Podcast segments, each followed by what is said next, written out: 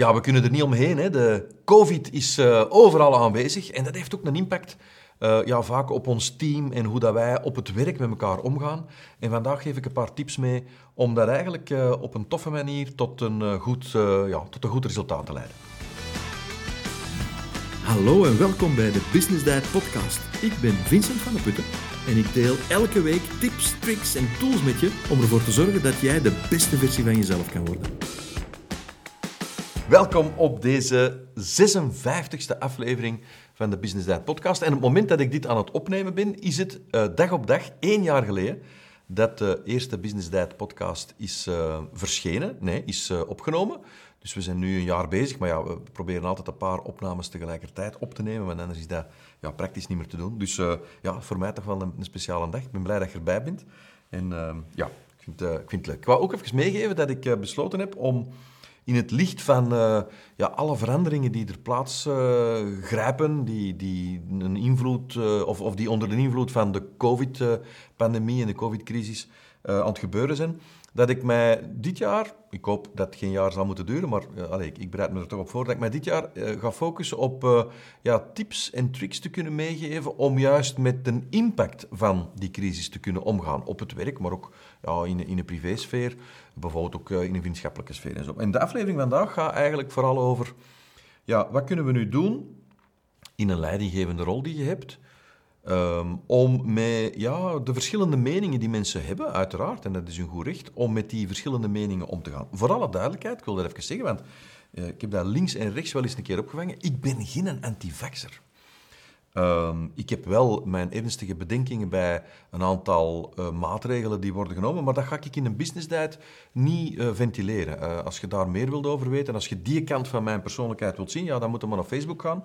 Maar ik wil, ik wil heel clean en heel objectief houden, maar ik denk wel dat het nodig is in, ja, in, in deze dagen om, om toch echt na te denken of ja, gewoon te beseffen dat er echt verschillen zijn, dat er dingen in de samenleving aan het veranderen zijn en dus ook ja, professioneel dingen op een andere manier moeten aangepakt worden. Dus dat wou ik even gezegd hebben. Um, ben dus geen antivaxer. Ik vind dat trouwens een verschrikkelijk woord ook. Hè? Antivaxer. Uh, klinkt zo echt... Uh, is een heel geladen woord. I hate it. Maar goed, dit gezegd zijn. Hoe gaat het nu om in uw bedrijf, of dat dan een groot bedrijf is een klein bedrijf, een groot team of een klein team, hoe gaat het nu om met die, ja, die verschillen van, van, van mening, hè? die verschillen van, van standpunten? Eigenlijk, om te beginnen, zou ik willen meegeven dat er in alle geledingen van de maatschappij, dat daar uh, mensen zijn die een andere mening hebben over, en zeer uitgesproken soms, mening hebben over de pandemie, de covid-crisis, de aanpak, wel of niet gevaccineerd zijn enzovoort. Daar het mij nooit niet over horen over uitspreken, uh, of dat ik voor of tegen het vaccin ben, of dat ik zelf wel of niet gevaccineerd ben, dat vind ik allemaal niet relevant. Ik vind trouwens dat er ook heel veel uh, vandaag zomaar op tafel wordt gelegd, dat eigenlijk voor mij nog, ik ben een beetje oldschool, tot het uh, medisch geheim toebehoort. Maar oké, los daarvan, je zult merken dat ook in uw team bijvoorbeeld sommige mensen uh, voor bepaalde maatregelen zijn en andere mensen daartegen zijn. Sommige mensen in uw team misschien uitgesproken voor vaccinatie zijn en andere mensen tegen vaccinatie. Uh, om dat nu maar als een voorbeeld te nemen, hè, want het kan soms over andere dingen gaan. Is dat nu erg? Nee. Uh, moeten daar Oost-Indisch doof voor zijn? Met andere woorden, doen alsof dat, dat niet bestaat, dat verschil in mening? Dat denk ik ook niet. Want die meningen die kunnen soms nogal uitgesproken en hardnekkig zijn. En als je daar altijd blind of doof voor bent, ja, dan kan dat wel eens mislopen. Hè? Dan kan dat wel eens leiden tot uh, ja, uh, frustratie of, of uh, opgekropte vrevel of, of wat dan ook. En, en dat zijn toch dingen die je wilt voorkomen. Weet je, als, als je kijkt naar de basis van elke relatie, of dat dan nu in privé is, vriendschappelijk of zelfs een romantische relatie, maar ook professioneel, elke relatie is volgens mij gestoeld op, op drie uh, sleutels, drie pijlers. En de eerste pijler is uh, wederzijds respect. Een tweede pijler is wederzijds vertrouwen. En een derde pijler is transparantie. Um, ik mis in heel veel gesprekken over een verschil in visie over de maatregelen en de aanpak en wel of niet gevaccineerd zijn enzovoort, mis ik een, uh, die, die eerste pijler al, dat wederzijds respect. Want mensen gaan soms op een heel hardnekkige manier om met hun visie, met hun mening. En ik denk dat eh, deze podcast eigenlijk tot doel heeft om ja, daar een ander inzicht in te geven en eh, om, om een aantal dingen te beseffen. Bijvoorbeeld, een van de dingen die we moeten beseffen, dat is in welke situatie dat je ook zit, heel veel wordt ingegeven door angst. Ik heb enorm veel gesprekken met mensen die vaccinvrij zijn. En ik heb ook heel veel gesprekken gehad, en die heb ik nog steeds met mensen die gevaccineerd zijn. En ik heb heel vaak gevraagd aan de mensen, uh, hoe zie je bepaalde dingen en waarom zie je de dingen zoals dat je ze ziet? En bijvoorbeeld heel veel vaccinvrije mensen, die worden, uh, en, en sommigen zien dat niet, maar die worden eigenlijk ook gestuurd door een stukje angst. Wat kan die angst zijn? Ja, in hun beleving kan dat een angst zijn voor een samenleving die evolueert naar een controlemaatschappij. Sommige mensen zijn, uh, ja, geloven in, in, in grotere uh, ja, plannen uh, die, die misschien worden gebroed of die misschien worden, worden uitgerold. En die zijn bijvoorbeeld bang voor de effecten van die plannen. Mensen hebben mij gesproken van, ja, maar je kent toch uh, die en die organisatie, die zijn van plan om een digitale munt te creëren. We gaan straks ons goesting niet meer kunnen doen. We gaan straks ook nog met die QR-code gaan we ook nog geconfronteerd worden met een CO, een CO2-pas enzovoort. Dus of dat dat nu allemaal waar of niet waar is, dat is niet relevant. En zeker hier vandaag in een business context niet relevant. Maar ik geef het maar mee, omdat het, vaak, als je goed luistert naar die gesprekken met vaccinvrije mensen, hoor ik toch heel vaak een angst. Dat is dan geen angst om ziek te worden, ja, want dat, dat, is dan iets wat hun ook uh, bindt. Hè. Ze, ze, zijn, denk ik, als groep, als ik ze zo mag benoemen en over een kam scheren, minder bang om ziek te worden misschien, maar ze zijn wel bang. Ze zijn bang voor een evolutie die ze niet willen zien. Ze zijn bang voor een controlemaatschappij, voor de inperking van vrijheden, voor ja, van alle dingen die er, die er gebeuren. En ik vind dan ook spijtig dat sommige politiekers, maar vooral ook de media, eigenlijk inspeelt op die angst. Als ik nu naar het andere, de andere groep ga, om niet van kamp te spreken, want dat, dat zit ze nog meer tegen elkaar, ze staan al genoeg tegen elkaar, denk ik, ja, dan zie ik dat ook bepaalde uh, mensen die uh, in, in de groep gevaccineerden zitten, ja, die worden ook soms gestuurd door angst. En die angst die kan dan bijvoorbeeld zijn angst om besmet te worden, of angst om ziek te worden, of angst om in het ziekenhuis opgenomen te worden, enzovoort. Of dat die angsten nu gerechtvaardigd zijn of niet, dat is op zich niet belangrijk. Maar wat dat wel heel erg belangrijk is, dat is dat angst wel iets doet met mensen. Uh, constant angst, in angst leven, ja, dat geeft continu een soort stressgevoel. En mensen zeggen wel eens, ja, maar stress is toch ook goed? Ja, stress is goed als dat tijdelijk is. Hè? Want stress dat kan ons meer kracht geven, dat kan ons meer alert maken, dat kan ons scherper maken en, en, en, en, enzovoort, enzovoort. Maar als dat stressniveau constant hoog is door alle berichten die je in de wereld uh, op je afgestuurd krijgt, ja, dan gaat die een angst op den duur verlammend werken. Um, en het is heel belangrijk om te beseffen dat in de beide groepen, uh, de beide groepen worden eigenlijk constant uh, overladen met angstberichten. Uh, bij de groep gevaccineerden zijn dat berichten over het aantal besmettingen dat stijgt, een nieuwe variant die is gevonden. En bij de vaccinvrije mensen is bijvoorbeeld iets wat beangstigt. Ja, je mag straks niet meer daar of daar binnen, of je gaat alleen nog met een vaccinatiebewijs ergens kunnen uh, uh, van genieten of ergens kunnen binnengaan enzovoort. Dus je voelt dat constant wordt onze samenleving ja, angstig gemaakt. Ik denk dat dat een heel uh, spijtige evolutie is. En, en, ik hoop dat dat ook niet bewust gebeurt, hoewel ik soms denk dat het wel zo is. En ik vind dat, ik vind dat echt een heel, heel fout iets. Maar ja, angst doet natuurlijk um, kranten verkopen. Angst doet het leiderschap een goede reden, uh, of geeft het leiderschap een goede reden om er te zijn. Want als alles roze geur en maneschijn is, ja, dan, moeten we, dan zijn we niet afhankelijk van ons leiderschap en dan moeten we er ook niet naar kijken. En dan bedoel ik leiderschap, de overheid en de regering enzovoort. Maar ik ben dus de mening toegedaan dat je veel beter mensen kunt motiveren met positieve dingen dan hen bang te maken door hen constant met angst te voeden. Um, besef dat, dat jij daar waarschijnlijk zelf als leidinggevende in uw team of in uw bedrijf of in uw winkel of in uw zaak, wat dan ook, waarschijnlijk ook last van hebt.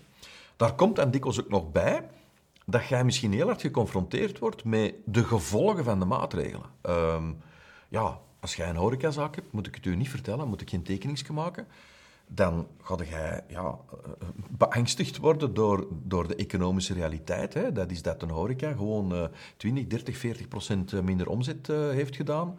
Dat de lockdowns in de eerste plaats de horeca en de cultuur treffen. Hè. Als jij bijvoorbeeld een, een, uitbater bent van een, van een theaterzaaltje, ja, in de cultuursector, zulde jij, ik moet ook geen tekens maken, dat ook de economische gevolgen echt aan de lijve ondervinden. Dat heeft dan weer een impact op ja, beslissingen die je moet uitstellen, investeringen die je niet kunt doen, verhogingen die je niet kunt doorvoeren voor je mensen, enzovoort, enzovoort. Dus dat wordt ook nog eens, hè, dat is een dubbel gevoel, hè, de, de angst op zich die al wordt aangestuurd, en aan de andere kant de gevolgen van die angst, die leiden tot ja, minder omzet, minder bezoekers, minder business, uh, een, een, uitzichtloosheid, uh, uh, ja, misschien meer schulden, en et cetera, et cetera, et cetera. Wat moeten we nu weten? Dat is dat als je een doorsnee neemt van de bevolking, hè, pak dat je 100% neemt en je zou zeggen, ik ga een, een, een soort koker maken en dat is 100%, dan heb je eigenlijk aan weerskanten um, ja, een groep van ongeveer 20% mensen aan de beide zijden die zeer hardnekkig zijn in hun overtuiging. Dat zijn mensen die uh, heel hardnekkig geloven. Dat zijn bijvoorbeeld de mensen die enorm sterk uh, gaan argumenteren dat, dat alles uh, het grote plan is van een zekere Klaus Schwab en het WEF en, en misschien zelfs complottheorieën, hoewel dat ik dat ook een beledigend woord vind. En aan de andere kant ga je mensen hebben die enorm hardnekkig zijn in elke besmetting is er een te veel en iedereen komt in het ziekenhuis en de IC's liggen overvol enzovoort enzovoort. Die hardnekkigheid die maakt het heel moeilijk om met, met die groepen mensen, die, en die zitten echt dan in de twee groepen, hè, links en rechts zal ik dan maar zeggen, uh, gevaccineerden en niet gevaccineerden, dus die hardnekkigheid maakt het heel moeilijk om daar vanuit uw leidinggevende rol op, op een constructieve manier een gesprek mee te voeren. Dus ik zou willen zeggen, als jij in je team merkt dat er een aantal mensen zeer hardnekkige standpunten innemen, extreme standpunten innemen, Um, datgene wat ik u nu ga vertellen, dat is gewoon minder van toepassing bij die mensen. Uh, bij die groep mensen, als ik ze dan even zo mag benoemen. Of die twee groepen mensen. Omdat die, uh, die zijn, ja, en dat klinkt misschien een beetje, een beetje sterk, maar die zijn wat minder voor reden vatbaar. Hè. En ik bedoel daar niks, uh, niks beledigends of zo mee, maar dat is gewoon echt de realiteit. En ik herhaal het, die zitten in, in de twee groepen. Hè. Dus eh, in de gevaccineerden en de, de niet-gevaccineerden. Maar wat kun je nu eigenlijk doen als je, als je kijkt naar je team, ja, dan moet je ervan uitgaan dat je team bestaat uit misschien, afhankelijk van de grootte van je team, maar in procenten, 20% hardnekkigen die geloven in het ene verhaal, 20% hardnekkigen die geloven in het andere verhaal. Maar dan heb je daar een groep van 60% mensen, ik zal maar zeggen, in het midden van die koker. En dat zijn mensen die uh, veel meer openstaan uh, naar elkaar toe, die veel meer openstaan voor argumenten enzovoort. In die groep heb je ook mensen die, die wat gelatener zijn, die, die zoiets hebben van, ja, uh, allez, ik, ik, heb er allemaal zo niet zoveel last van en zo, en dat is, dat is prima.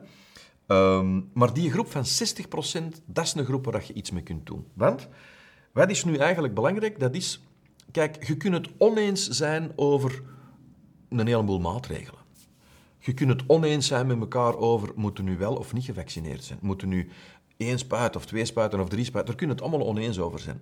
Maar als je bijvoorbeeld kijkt in een familie of in een gezin, dan heb je daar, zelfs bij die mensen die een, verschillende, een verschillend standpunt hebben, een andere mening hebben, heb je daar toch een gemeenschappelijkheid.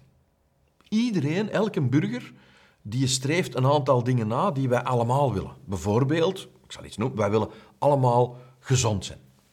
In wezen willen wij allemaal niet alleen gezond zijn, maar we willen in wezen ook allemaal gelukkig zijn. Wij willen, als het echt van ons zou afhangen, eigenlijk allemaal in harmonie kunnen leven. Wij willen op een positieve manier door het leven kunnen gaan, enzovoort. En uiteraard, er uitzonderingen. Gaan nu kunnen zeggen, ja, maar ik ken iemand bij mijn en die is helemaal niet zo. Eh, dat zou wel. Maar door de band genomen, zijn dat een aantal dingen die wij allemaal gemeenschappelijk hebben. We willen gezond zijn, gelukkig zijn, in harmonie, positief, toekomstgericht. Eh, liefdevol, al dat soort zaken. Wat is nu het probleem? Dat is dat het gesprek is eigenlijk een niveau lager getrokken. En op dat niveau lager, ja, daar zijn wij het over een aantal dingen oneens. En dat is oké, dat is op zich oké. Maar hoe, hoe overkomt je nu die oneenigheid? Dat is eigenlijk door het gesprek naar dat hoger niveau te trekken. En dat hoger niveau is, wat, wat delen wij? Wat vinden wij allemaal belangrijk? Wat is een stuk gemeenschappelijkheid die wij hebben? En als je dan kijkt, ja, in een gezin is dat dikwijls van, ja, we willen allemaal gezond en, en, gelukkig zijn. bijvoorbeeld, kijk, in mijn gezin zijn er een aantal mensen die gevaccineerd zijn en dan zijn er een aantal mensen die niet gevaccineerd zijn. En dat is prima. Zouden wij daar hoog oplopende ruzies kunnen over hebben? Absoluut, daar ben ik absoluut van overtuigd. Want we hebben ook een paar uh, mensen met sterke overtuigingen in ons gezin. En, en mensen die met, met een, een bepaalde communicatievaardigheid. Dus dat zou perfect kunnen. Maar toch hebben wij bijvoorbeeld uh, kerstmis. Alleen naar kerstmis zelf niet, maar wij hebben uh, bijvoorbeeld de verjaardag van uh, mijn echtgenote, die een klein beetje voor kerstmis viel, hebben wij op een heel aangename, aangename manier samen kunnen vieren omdat wij ons gericht hebben over datgene wat ons verbindt. En wij hebben ons niet gericht op datgene wat ons ja, scheidt of, of waar dat we misschien tegenover elkaar gaan staan. Daar hebben wij heel bewust voor gekozen. Wij hebben op voorhand ook heel bewust afspraken gemaakt. En dat is eigenlijk iets wat ik als een soort voorbeeld zou willen gebruiken. Hoe dat je dat in jouw team, in jouw winkel, in jouw zaak, in jouw afdeling, in jouw projectteam zou kunnen gaan gebruiken. Wat is nu bijvoorbeeld de gemeenschappelijkheid die mensen op het werk hebben? Ja, ik denk dat mensen die naar hun werk, op hun werk zijn of naar hun werk komen, dat die eigenlijk ook allemaal willen, uh, alleen, allemaal, er zal altijd wel een uitzondering zijn, op een aangename manier kunnen werken, op een toffe manier met collega's, op een veilige manier ook. En die veiligheid die speelt met name als het gaat over uh, een, een, besmettelijke ziekte natuurlijk, heeft die een andere dimensie dan in andere tijden. Uh, dat soort zaken zijn gemeenschappelijk aangenaam, tof, uh, gezond, uh, veilig. Sommige mensen die willen ook, ik weet het niet, die worden misschien gemotiveerd door een bonus die ze kunnen halen enzovoort, maar dat hoeft, niet, dat hoeft erom niet gemeenschappelijk te zijn. Wat ik dus zou willen vragen om te doen, dat is in uw team, om daar de mensen die het dichtst bij u staan, hè, die, die mensen die bijvoorbeeld direct aan u rapporteren, of, of allez, ik weet niet hoe groot dat uw team is, om daar toch eens een gesprek mee te hebben met die mensen. En om dat in eerste instantie om bij al die mensen een individueel gesprek te hebben. En om aan die mensen op een heel respectvolle en hoffelijke manier ehm, uit te leggen wat dat de bedoeling is. En dat is namelijk om in uw bedrijf, in uw onderneming, wat dat het ook is, om daar een gemeenschappelijke grond te vinden. Een soort, een soort verankering waar dat we ons allemaal kunnen aan gaan optrekken op die momenten dat we het nodig hebben. Om de discussies op het lagere niveau te gaan vermijden of te gaan voorkomen. Ik nodig u dus uit om eerst met iedereen apart dat gesprek te voeren, even uit te leggen wat is de bedoeling. Ja, je legt dat uit. Kijk, ik zoek een, een common ground, zoals dat zo mooi klinkt in het Engels. Ja, je weet dat, hè. Business dat moet altijd in het Engels zeggen. Ik denk dat het de eerste keer is vandaag dat ik dat doe. Dus bij deze, common ground, dat zijn twee woorden.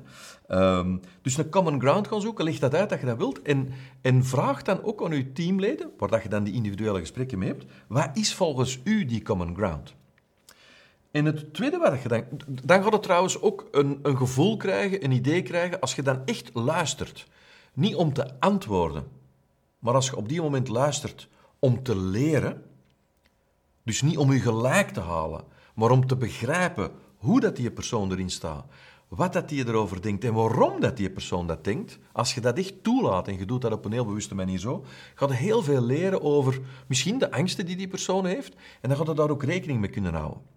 En als jij dan individueel al die gesprekken hebt gevoerd met die mensen, dan zou je kunnen overwegen, hè, dan heb je ook zo'n beetje de temperatuur gemeten in je team, op dat vlak dan toch, dan zou je ook een meeting kunnen organiseren met dan de mensen samen en dan zeggen van kijk, uh, als ik de rode draad bekijk die we hier, die dat ik met iedereen individueel heb besproken, dan is volgens mij de rode draad bij ons dat wij allemaal dat of dat of dat belangrijk vinden. Zoals dat ik het zei in ons gezin bijvoorbeeld, gelukkig zijn, gezond zijn en op een toffe manier, bijvoorbeeld op die moment, de verjaardag van de mama kunnen vieren. Wat is de common ground voor uw bedrijf? Dat weet ik niet, maar er zullen dingen in zitten zoals op een toffe manier samenwerken, op een veilige manier kunnen werken, een toekomstgerichtheid hebben, een, stuk zekerheid naar de toekomst hebben, een goed gevoel hebben bij de collega's enzovoort. Ook het gevoel hebben dat er rekening wordt gehouden met ieder zijn mening, etc. Dat zijn dingen die, die bijna iedereen wil. Als je dus die individuele gesprekken hebt gehad en je hebt dan die meeting waarop dat jij die rode draad, die common ground, die, die gemeenschappelijkheid hebt uitgesproken, dan nodig ik u uit om samen een aantal regels af te spreken. Uh, en die regels, dat zijn eigenlijk, ja, dat zijn, dat zijn bij, bij wijze van spreken misschien zelfs gedragsregels. Dat je bijvoorbeeld zegt, kijk, wij spreken af dat wij met ieder zijn gevoeligheden ook rekening gaan houden.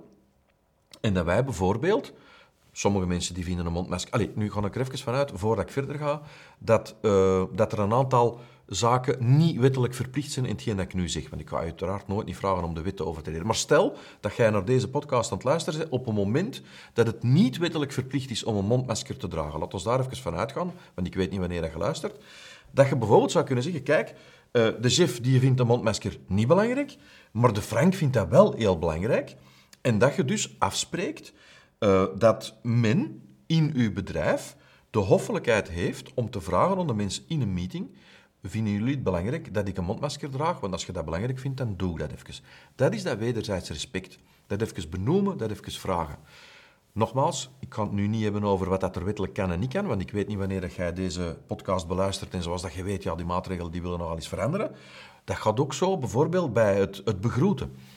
Uit respect kun jij als een soort regel afspreken dat wij aan elkaar vragen. Hoe wilde jij begroet worden? En de ene wil begroet worden met een vuistje, de andere met een elleboog, de andere die wil liever een knik en nog iemand anders die wil uh, een, een, een, een firme handshake.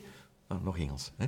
Maar je verstaat wat ik wil zeggen. Daar gewoon op een heel toffe, serene, respectvolle manier over spreken, samen met je team, een paar regels afspreken, waar dat je dan ook kunt naar teruggaan.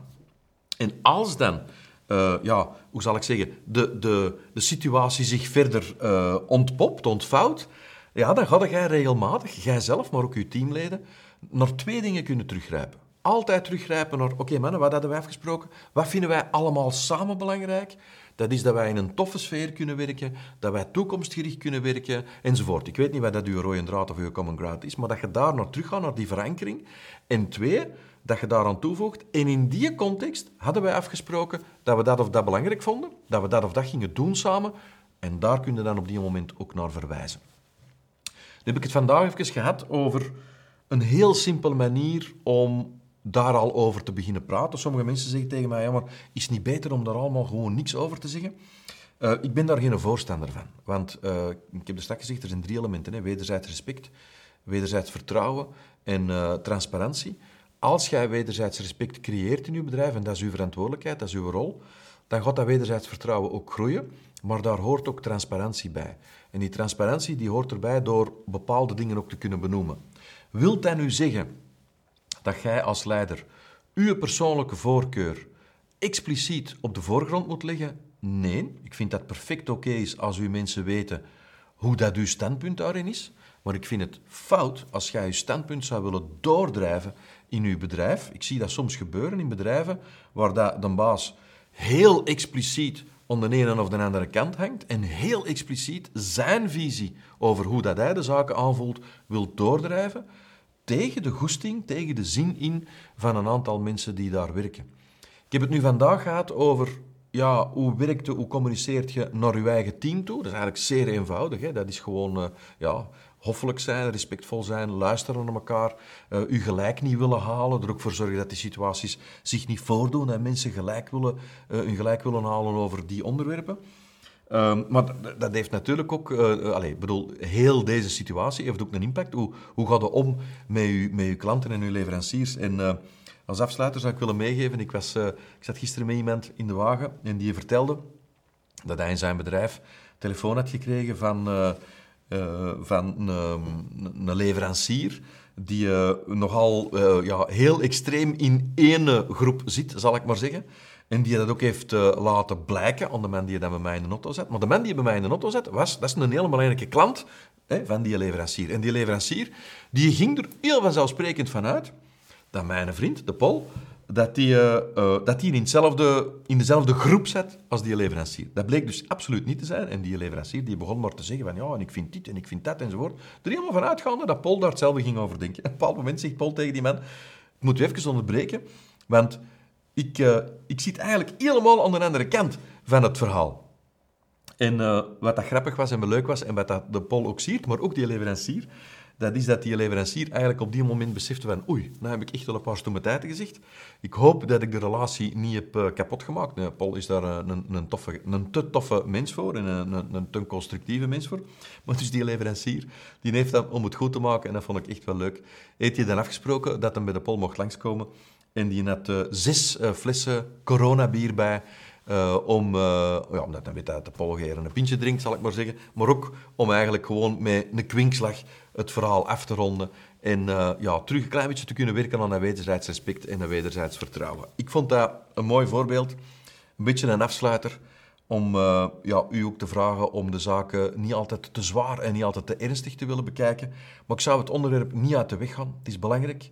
Veel mensen zijn echt enorm, of lopen, gaan gebukt onder die angst. Die mensen die kun je daar uh, ja, ook, denk ik, ook een beetje bij helpen. Maar vooral, laat ons er alsjeblieft voor zorgen dat we in de bedrijven die dat we leiden of in de bedrijven waar dat we werken, dat we daar geen, nog, nog eens bijkomend op hetgeen dat er al aan het gebeuren is in de samenleving, dat we daar ook niet in onze bedrijven dan ook nog een, een tweesplitsing krijgen of een tweespalt. Dat zou echt zonde zijn. Goed, misschien vonden dat een beetje te veel om te onthouden. En niet dat het zo geweldig veel of ingewikkeld was, maar allez, in elk geval geen stress, want via het blogartikel van de podcast kun je altijd alles terugvinden.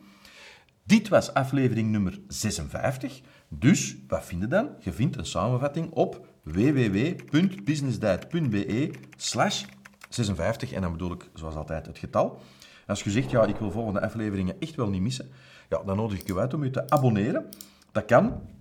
Op de podcast kun je abonneren via Spotify of via Apple Podcast. Of je kunt dat ook in beeld doen via YouTube. En daar kun je dan ook comments en zo zetten als je dat wilt. Bij deze aflevering hoort ook een gratis download. Ja, gratis, ook hè. En dat is een overzicht van de luisterniveaus, waar ik in de podcast ook heb naar gerefereerd. Klik op de link in de beschrijving van de podcast of ga rechtstreeks naar www.businessdiet.be slash luisterniveaus. En dat is gewoon aan elkaar geschreven, zonder afkappingsteken voor de S. Indien je de aflevering leuk vond, deel ze dan zeker op Instagram en tag me met @businessdiet. Dat doet me echt heel veel plezier. Ik wens je veel succes en heel graag tot volgende week.